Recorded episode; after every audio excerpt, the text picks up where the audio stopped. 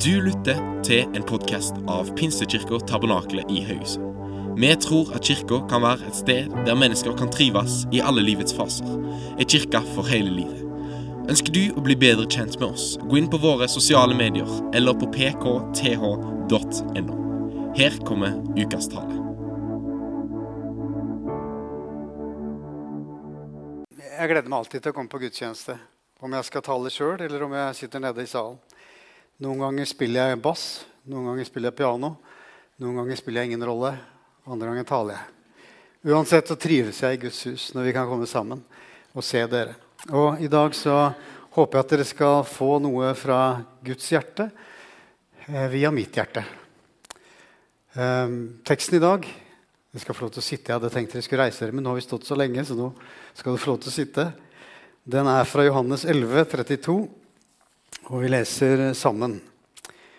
Da Maria kom dit Jesus var, kom igjen, og fikk se ham Å ja, det har ikke teksten ennå. Unnskyld. det har teksten. Jo, der. Da Maria kom dit Jesus var, og fikk se ham, kastet hun seg ned for føttene hans og sa, Herre, hadde du vært her, ville ikke broren min vært død. Da Jesus så at både hun og alle jødene som fulgte henne, gråt, ble han opprørt og rystet i sitt innerste. Og han sa, Hvor har dere lagt ham? Herre, kom og se, sa de. Jesus gråt. Se hvor glad han var i ham, sa jødene. Det er sjelden jeg gråter. Jeg skulle ønske jeg kunne ha et enda mykere hjerte enn det jeg har. Gråter av og til med klissete filmer, og så det blir litt for mye, så sitter jeg og tørker i all hemmelighet tårer. Eh, Men av og til så er det noe som rører ved meg så sterkt at jeg ikke klarer å holde verken tårer eller følelsene tilbake. Selv om jeg tror jeg er en liten tøffing. Vi menn tror jo det, stort sett. Eh, For 14 dager siden, eller 10 dager siden så fikk jeg en telefon fra eh, assistenten til doktor Mokwege. Og han sa kan dere hjelpe oss.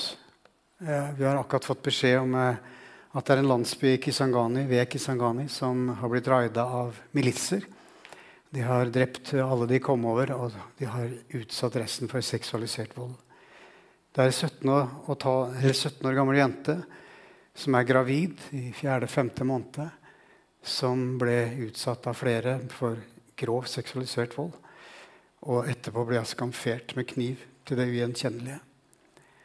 Og Jeg fikk se bildet, og jeg har ikke vist det til noen av mine medarbeidere. Det blir ikke publisert, eller noe, for det er det verste jeg har sett i mitt liv. Og jeg har sett mye.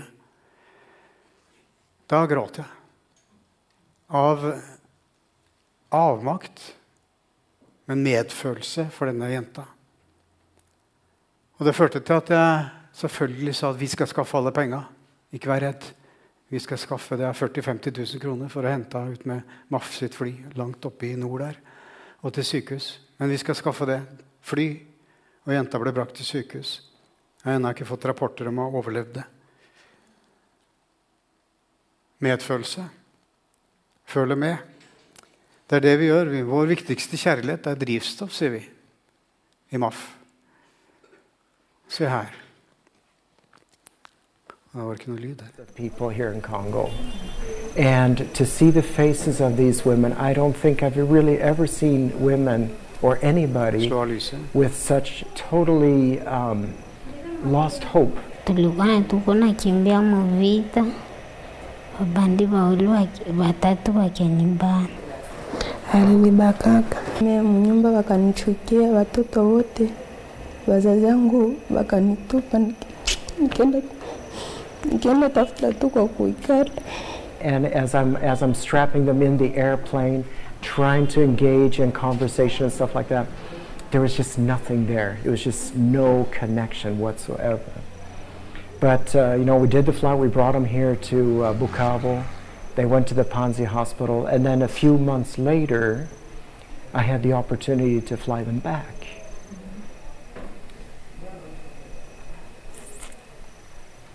And um, the transformation was enormous.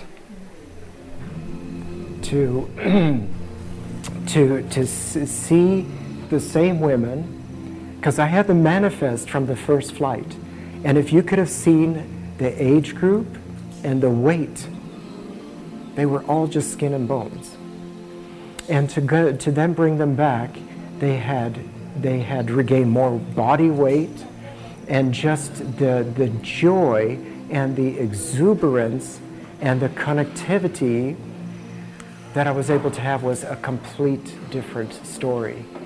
And, you know, those are the days for me as a pilot that is, you can't put uh, a high of enough uh, joy. I mean, then you realize what an incredible privilege it is to be flying in these type of situations and the partnership with Panzi. Uh, each year we are treating around 3,000 women here at the hospital. Our vision is to work with Mission Aviation Fellowship uh, to help us Ja. Så er det litt av det vi driver med. Men mest av alt så ønsker vi å utbre ordet om Jesus. Fortelle om Jesus. Vi kan ikke gjøre det når vi sitter og flyr disse flyene, men vi flyr de som gjør det. Og uten oss så er det kanskje 1400-2000 organisasjoner som ikke kommer seg inn dit for å hjelpe. Mange misjonsorganisasjoner, pastorer, evangelister er helt avhengig av at noen kan fly dem inn til de strøkene som ikke går bilveien til. Det er et privilegium å få lov til å fly disse heltene, kan du si. Vi flyr også for å hjelpe mennesker. For hvis du elsker et menneske, så ønsker du å ta hånd om hele mennesket. Ikke bare gi det Guds ord, og så pumper det full med det, og så har vi gjort saken. Men du ønsker at de skal få drikkevann. Du ønsker at de skal få stell. Du ønsker at barna skal få vokse opp. De skal få skolegang. Du ønsker at eh, de skal få tak i Bibelen. Eh, og vi flyr lass inn med bibelbokser som er sol, med solpanel på. Og så en chip. Og så kan de høre hele Bibelen, og hele stammen samles rundt denne lille boksen med en liten høyttaler for å høre Guds ord. Er det ikke meningsfullt? Ja. Og så hjelper vi lidende og syke. Det er, det er mye nød, folkens. Det er mye nød ute i verden. Eh, vi jobber i Afrika, men i Øst-Asia, som det her er, fra Papua Ny-Guinea, så er det vanvittig mye eh, ondskap og mye nød og lidelser. Her ser vi Jan Ivar Andresen, og mange av dere kjenner kanskje faren til eh, Jan Ivar. Han var instruktør på flyklubben her i gamle dager. Og han vokste opp delvis her, Jan Ivar. Han har vært 30 år kaptein i Widerøe. Nå jobber han for oss på Papua Ny-Guinea. Du ser han strapper inn jenta som ble elleve år gammel jente som ble brent av kokende vann og tredjegrads forbrenning. Hun kom til å dø hvis hun ikke kom seg til eh, helsestasjonen. Så ser vi han strapper henne inn her, og så går han bak etterpå. Så setter han seg og ber. For flighten og for jenta som skal føres videre. Vårt viktigste drivstoff er kjærlighet. Men vi er jo ikke dumme heller. Ei kanne med bensin hjelper det også, så tusen takk for det. Det er det jeg driver med til daglig. Vasser egentlig i nød. Men eh, jeg blir bare mer og mer innbitt på at Guds rike skal bres ut. For er det noe som kan forandre verden, så er det at Guds rike kommer inn i folk og forandrer dem innenfra. Og forandre familien, forandre samfunnet, nærmiljøet, gatene. Når vekkelsen var i Wales, så, så var fengslene tomme. Politiet hadde ingenting å gjøre. For vekkelsen grep så hardt inn i, i, i lokalsamfunnet at det ble fred. Drømmer du om sånne ting? Eller er drømmene bare begrensa til, til, meg og mitt her? Ja, kanskje litt, litt, utenfor? Kanskje familien? Kanskje Eller drømmer du om de der ute? De som aldri har hørt? De som har det vanskelig? De som lever i krig i dag? Sender vi opp bønner til Gud? Gud, hjelp dem. Eller er hjertet vårt dødt? Jesus gråt, og det er forskjellige grunner til å gråte. Vi kan gråte av glede, faktisk. Eh, Bibelen omtaler ikke så mye sånne ting. Det skulle gjort seg altså, sånn sannelig, sannelig. Og de la seg på gulvet og lo seg i hjel. Liksom det, det, passer liksom ikke inn i Skriften. Men jeg kan være sikker på at de lo. Men det er ikke det man feller ned når man skriver historien. Eh, vi kan, av, vi kan gråte av sorg, av medfølelse, av avmakt. Men felles for alt det her, det er innlevelse. Man lever seg inn i ting setter seg inn i situasjonen, ser det for meg, lever med i det, lar meg engasjere, ser, lytter, handler. Innlevelse det kommer ikke av seg selv. Vi har forskjellige personligheter, så noen reagerer med en gang, andre er litt sakte. Vi, noen sprer glede og er voldsomt sånn, mens andre er litt mer introvert. Og, men vi kan ha det samme driven allikevel. Vi kan velge å innleve oss eller leve oss inn i ting, eller vi kan velge å ikke gjøre det. Jeg gikk på Karl Johan etter eh, at vi hadde vært på jobb. Så gikk jeg ned mot togstasjonen, og der nede så, så eh, ser jeg en, eh, en, gammel mann med en svær frakk gå ti meter foran meg. Og så snubler han og tryner skikkelig, slår, ramler i bakken. Og Jeg vet ikke hvor mange som gikk forbi den gamle mannen, men det var ganske mange som lata som de ikke så ham. De skjønte at han var en alkoholiker. Han var skitten. Det stinka lang vei. Så de gikk utenom og gikk videre. Jeg gikk selvfølgelig bort til henne og så Går det bra med deg? Kom igjen. Jeg den opp. Det var veldig tungt å få reist den opp. Jeg måtte liksom holde rundt den. Og jeg lukta jo lenge etterpå sjøl. Det er ikke noe å skryte av. Er det noen som tenker at det er noe å skryte av? Hvis, hvis målet på menneskeverd er så lavt at vi liksom må skryte av at vi gjør selvfølgeligheter, så er det ille. Så det er helt normalt å hjelpe mennesker som ramler. Det er helt normalt å stille opp for andre som lider. Det er helt normalt å se utover seg sjøl. Det har vi vår mester og herre som har lært oss. Innlevelse kan vi velge. Men istedenfor omsorg så later vi som vi ikke ser hva som foregår. Det er veldig behagelig. Du bare ser en annen vei, og så går du rett forbi. Vi har jo forbilder i Bibelen på det.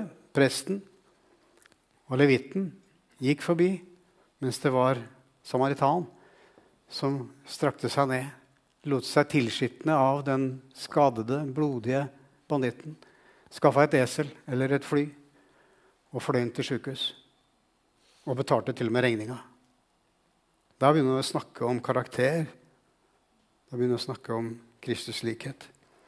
Når en mentalitet som dette griper tak i oss, blir vi sånn kultur av tilskuere.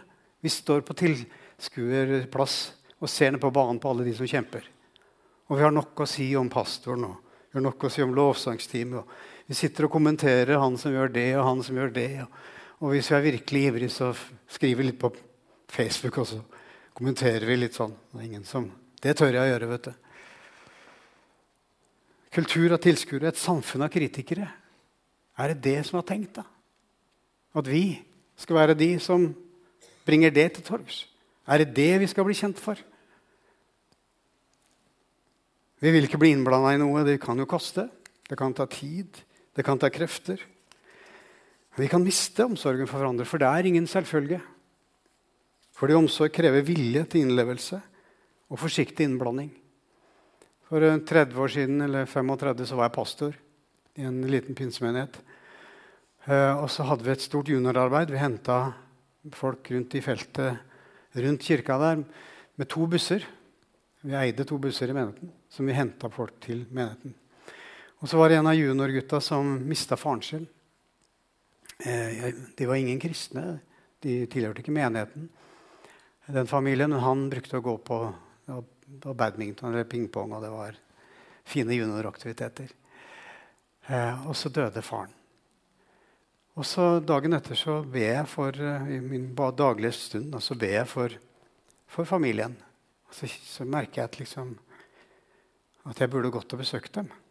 Men det er jo så flaut. Jeg kjenner dem ikke. De jo ikke, tilhører ikke min menighet. De er jo ikke mitt, mitt folk, liksom. Så jeg lar det fly forbi. Neste dag så blir jeg minnet om det samme. Gå og besøk. Jeg står imot. Jeg har jo oppdragelse. Skal en, jeg fant på, skal en enslig mann gå og besøke noe enke nå, da?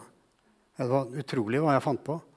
Fjerde dagen så sier jeg OK, OK.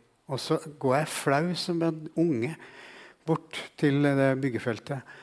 Ringer på døra, og så var det ingen som åpna opp. Takk og lov. Men så hørte jeg det rørte seg innafor, og så kommer ei, ei dame ut i morgenkåpe begredelig, helt bleik. Og så sier jeg flau. Eh, jeg er pastor i menigheten. Jeg kjenner deg, sa Jeg skal bare komme og spørre hvordan det går med deg. Så, så gråter han, så sier han, jeg har ligget her og ropt en gud jeg ikke kjenner, jeg, i fire dager. Takk for at du kom. Av og til så hører vi ikke. For omsorg det krever litt mot. Det krever innlevelse. Når kjærligheten blir kald, og det står at i de siste tider ja, Nå har det vært de siste tider et par tusen år, så det kan hende at det varer en stund til. Men det begynner å flaske seg til, som vi sier. Men når, i de siste tider skal kjærligheten bli kald, står det. Mens Paulus han sier, folkens, vær varmhjertet mot hverandre i kjærlighet. Kappes om å hedre hverandre. Ikke kappes om å kappe hverandre, men kappes om å hedre hverandre. Ta dere derfor av hverandre liksom og Kristus tok seg av oss, til Guds ære. Vær gode mot hverandre. Vis barmhjertighet, så dere tilgir hverandre, liksom Gud har tilgitt oss. Vær gjestfrie mot hverandre uten knurr. Bær hverandres byrder og oppfyll på den måten Kristi lov. Framfor alt ha inderlig kjærlighet til hverandre, for kjærligheten skjuler en mengde av synder. Det er Paulus sin oppskrift og Bibelens oppskrift på å få et godt samfunn. Bry dere uten knurr. Se. La dere berøre. La gråten ta dere når noen sørger. La gleden ta dere når noen jubler. Ikke sjalusi, ikke misunnelse, men raushet. Hvis vi får et sånt konkurransesamfunn som det er rundt oss, så kan det føre til prestisjetap å innrømme ståa mi, statusen min, hvordan jeg har det. For dere ser så vellykka ut, til alle dere andre. Så jeg har tatt med finskjorta jeg har den ut med kaffe før dere kom her i dag, men det gjør ikke noe. Dere ser ikke det. Jeg har skjult det med en dressjakke som jeg syns er fin. Håper dere syns det òg. Stelt meg. Jeg har kamma håret, jeg har dusja. Jeg har tatt meg det åndelige smilet mitt når jeg går inn her. Prøv å oppføre meg. Dere kan ikke se det på meg kanskje at, at jeg er plaga av noen ting, eller at jeg bærer på sorg, eller at jeg har det vondt. For vi har vent oss til det. Å gå gjennom samfunnet, og vi tar på oss litt masker. Vi tar oss sammen, så later vi som alt er greit. Og så glir vi litt forbi hverandre. Kun den vellykkede overlever. Det kan bli kaldt og følelsesløst. Og strømlinjeforma så kan vi gli forbi hverandre i tapre forsøk på å bli lagt merke til eller bli elska. Er det noen som ser meg? Vær så snill. Du ser ungdomsopprør. Du ser familier som har det problemet med tenåringene. Ofte er det 'se meg, pappa'. Jeg husker gutten min når det var VM eh, i fotball og Norge var med for en gangs skyld. Så etter noen timer med fotball så ser jeg lille tre-fireåringen som står foran TV-en sånn. Se meg, pappa. Se meg. Ser du meg? Og uten at vi ser sånne rundt oss i dag, så er salen kanskje her i salen mange også Kan noen se meg? Husk på det at Gud ser det. Og det er helt sikkert noen av oss som har fått beskjed. Det fins en syk kvinne som har mista mannen sin der borte. Det er å tro på det vi tror på. Den hellige ånd leder oss. Jesus han gråt i møte med folket. Han ble tilkalt for å hjelpe. Det var han som ble tilkalt. Han var jo mesteren. Han var lederen, han var den salvede, han var høvdingen.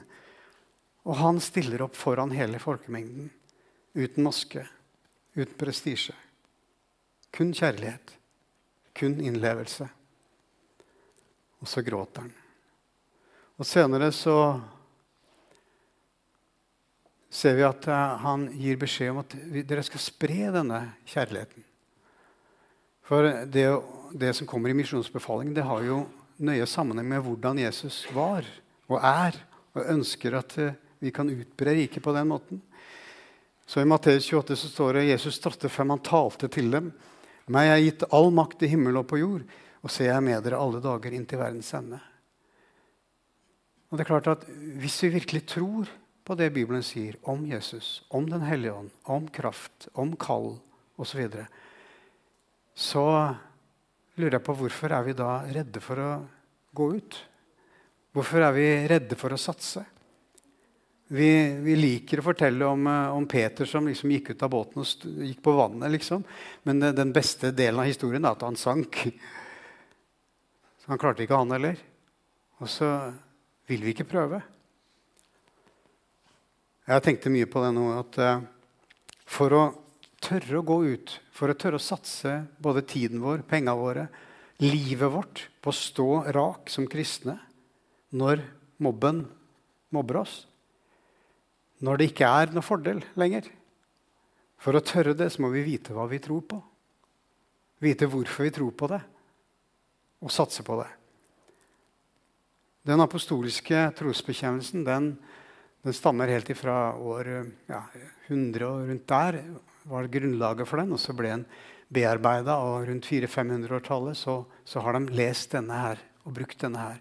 Dette er den utgaven de bruker i Den norske kirke. Og i bare noen få setninger så ser vi hva er det egentlig vi tror på. Hva er det egentlig vi satser på? Hva er det egentlig mitt liv handler om? Jeg tror på Gud Fader, den allmektige himmelens og jordens skaper. Jeg tror det er en Gud. Jeg tror denne guden er en skaper. Jeg tror han har skapt Adam og Eva. Han har skapt mann og kvinne. Han har skapt det som fins rundt oss. Det er det vi tror på.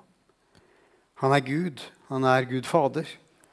Jeg tror på Jesus Kristus, altså den salvede Messias, han som hele Bibelen snakker om skal komme. Det er han jeg tror på. Summen av Bibelens profetier. Det er han jeg tror på. Jesus Kristus. Den enbårne sønn, Guds enbårne sønn. Og han er min herre. Og uten at vi skal bruke slaveuttrykket, så, men vi kjenner det der. Det er Herren som bestemmer. Han er herre over mitt liv. Jeg vil adlyde det han sier. Jeg vil høre på hva han sier. Så når han sier neste gang 'gå og besøk den gamle eller den dama som er sjuk', så går jeg. Jeg har opplevd mange ganger sånne ting. Og det tar gjerne fire dager før jeg skjønner det. Så treg er. Som ble unnfanget ved Den hellige ånd, født av jomfru Maria. Der også. Det, er, altså, det her er helt utafor all fornuft. At han ble unnfanget av Den hellige ånd særlig, vil den ikke-kristne tro. Men når du har kommet til tro på Jesus og sett møtt Gud og fått Jesus i hjertet, så skjønner du det er jo piece of cake for han. Han klarer vel det. Han klarer hva han vil. Å bli født av en jomfru er fullt mulig i Guds rike og med hans muligheter. I det vanlige så er det helt umulig. Jeg tror at han ble pint under romerne. Pontius Pilatus. Han ble korsfestet, død og begravet. Hvis vi får en kristendom uten korset, så har vi bare fått en annen religion med en flink religionsskaper som heter Jesus, som har gitt noen fantastiske, flotte prekener og leveregler. Hvis korset blir borte, hvis det at han døde, ikke er noe viktig lenger, så tar vi hele grunnlaget bort fra hele pakka. Det er sånn dominoeffekt. at Da ryker resten. Og hvorfor døde Jesus? Jo, han ga sitt liv for at hver den som tror, skal få frelse. Han ga sitt liv for at ditt forhold til, Jesus, nei, til Gud skal rettes opp igjen. Han ga sitt liv for at du ikke skal gå fortapt, og jeg ikke skal gå fortapt. For at vi skal få syndenes forlatelse, for at vi skal bli frie mennesker. Derfor ga han sitt liv. Så er det noe som kommer til å bli angrepet på alvor, så er det, er det sant, da? Trenger vi Jesus? Jesus var en fin kar. Men å dø på korset, den, den er litt for drøy. Det er der hele hemmeligheten ligger. Og er du ikke en kristen, så er det dit du skal søke. Du trenger ikke å leite i Moseboka eller noen andre bøker. Du trenger ikke å leite etter alle filosofiske retninger og alle fine utlegninger og prekener. Gå til korset. Bøy kne for korset og si, 'Gud, tilgi meg. Jeg er en synder.' For det er vi alle. Det er vi alle. Om du er en ny synder eller en gammel synder, det er det samme. For vi reiser oss nesten daglig til motstand og vil være herre i vårt eget liv og prioritere våre egne liv. Vi trenger syndenes forlatelse. Vi trenger å komme til korset hver og en, hver eneste dag. Korsfestet død. Han for ned til dødsriket. Og Det står at han tok nøklene fra djevelen. Det vil si at han har seiret over døden. Han seira over. Han stilte ham til spott og spe. Så han, husk på at han er bare én som er ett sted. Han er én demon. Mens Den hellige ånd er overalt. Det er ikke 50-50. Liksom. Det er ikke to like styrker her. Det er noe, det er noe småtteri nedi her, og så er det en kjempe her. Du er på Guds side. Han for ned, han rev fra nøklene til dødsriket, overvant døden og sto opp igjen. Og det også.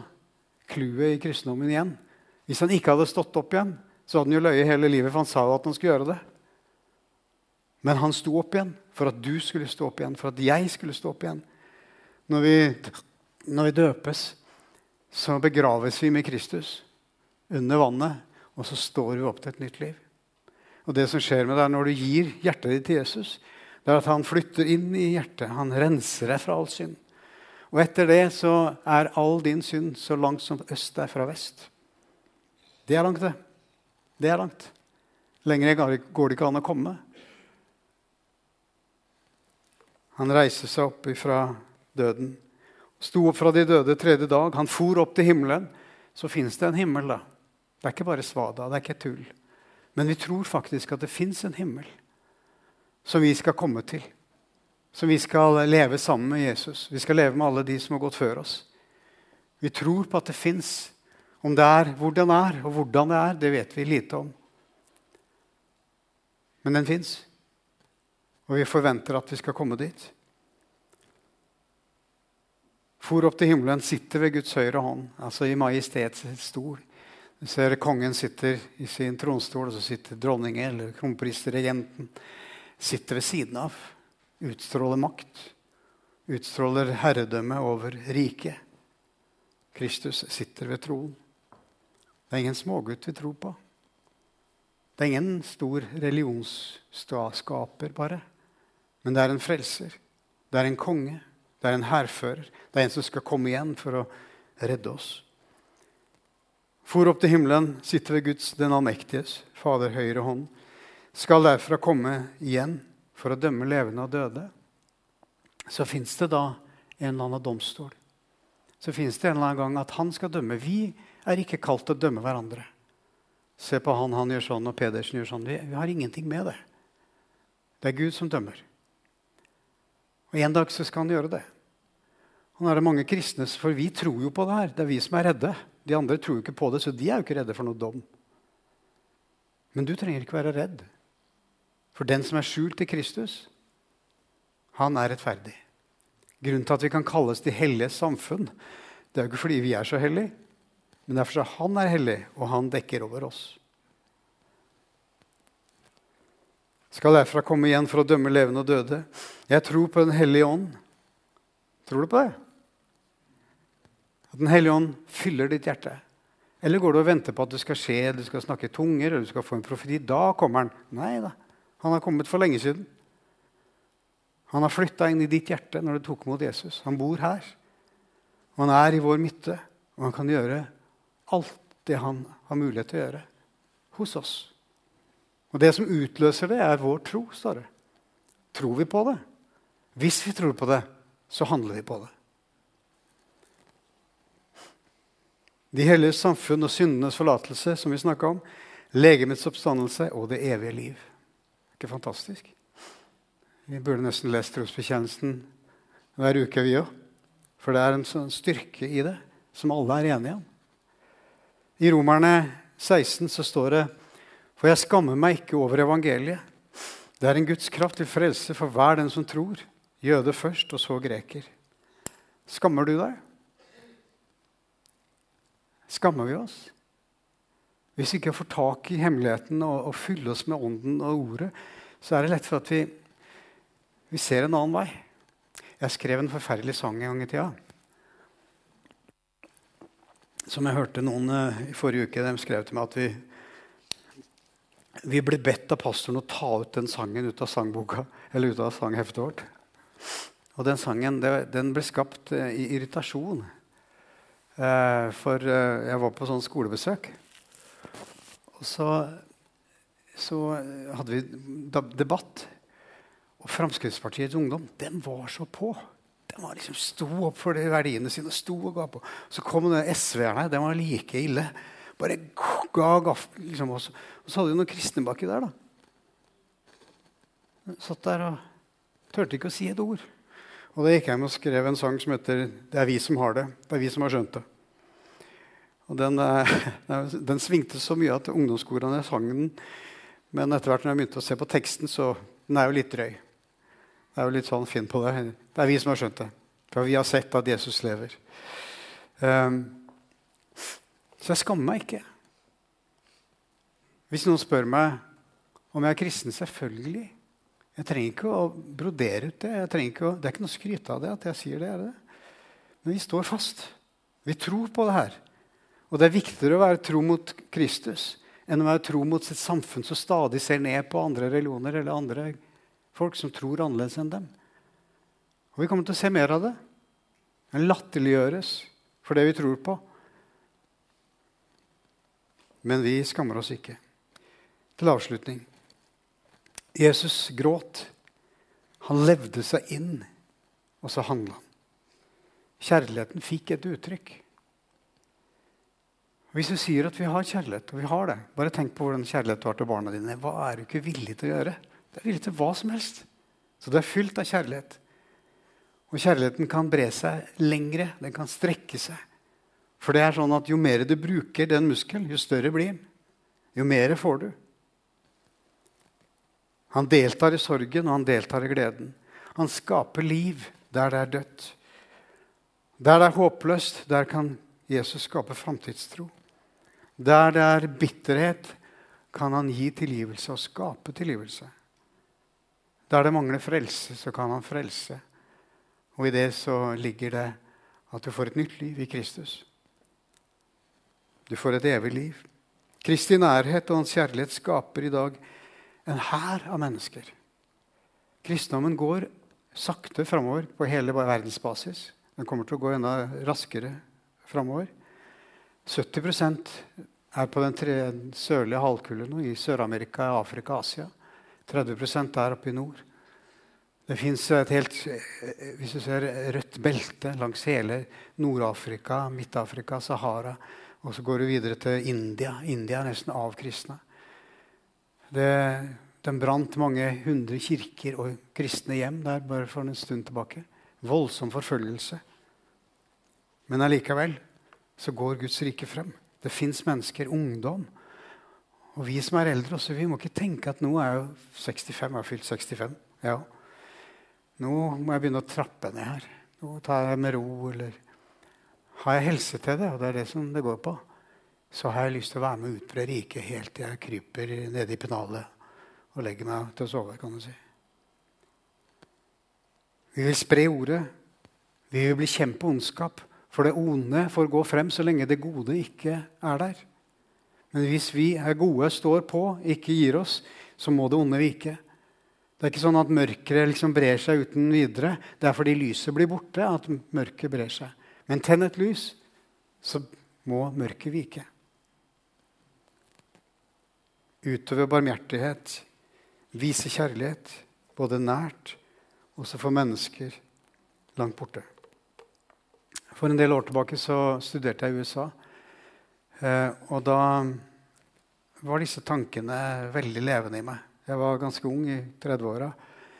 Eh, og så skrev jeg en sang som jeg ønsker å synge for dere, som handler om det. Og da bare oversatte den til norsk, sånn at eh, dere som ikke skjønner engelsk, kan, kan se teksten. Men eh, den handler om at ikke hjertet mitt må bli hardt. At jeg blir leda bort. Men at Guds nærvær skal være banneret over mitt liv. Og Jeg vet at det fins mennesker som lengter etter mer av Jesus her. Jeg lengter hver dag. Mer, mer. Jeg føler meg så fattig i forhold til det jeg vet jeg kan være. Så ta til deg denne teksten som skal komme opp her. Do something with my heart.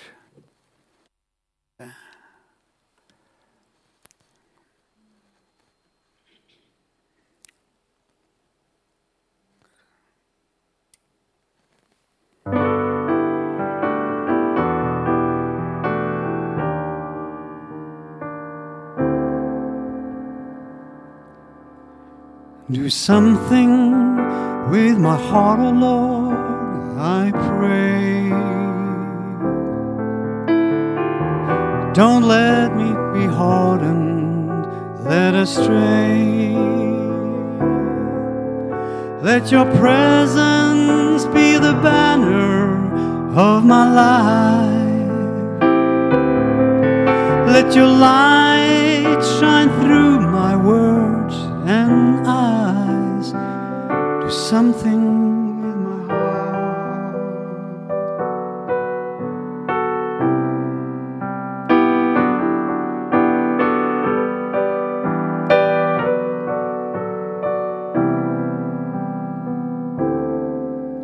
Do something with my heart, oh Lord, I pray. You see my wayward mind selfish ways. Let your will be done on earth as is in heaven. Let my life reflect your kingdom forever. Do something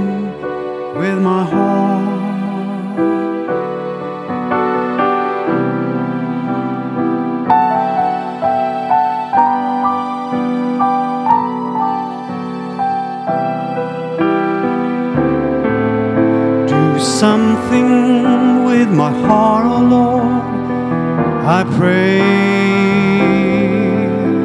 I need your spirit close, not far away.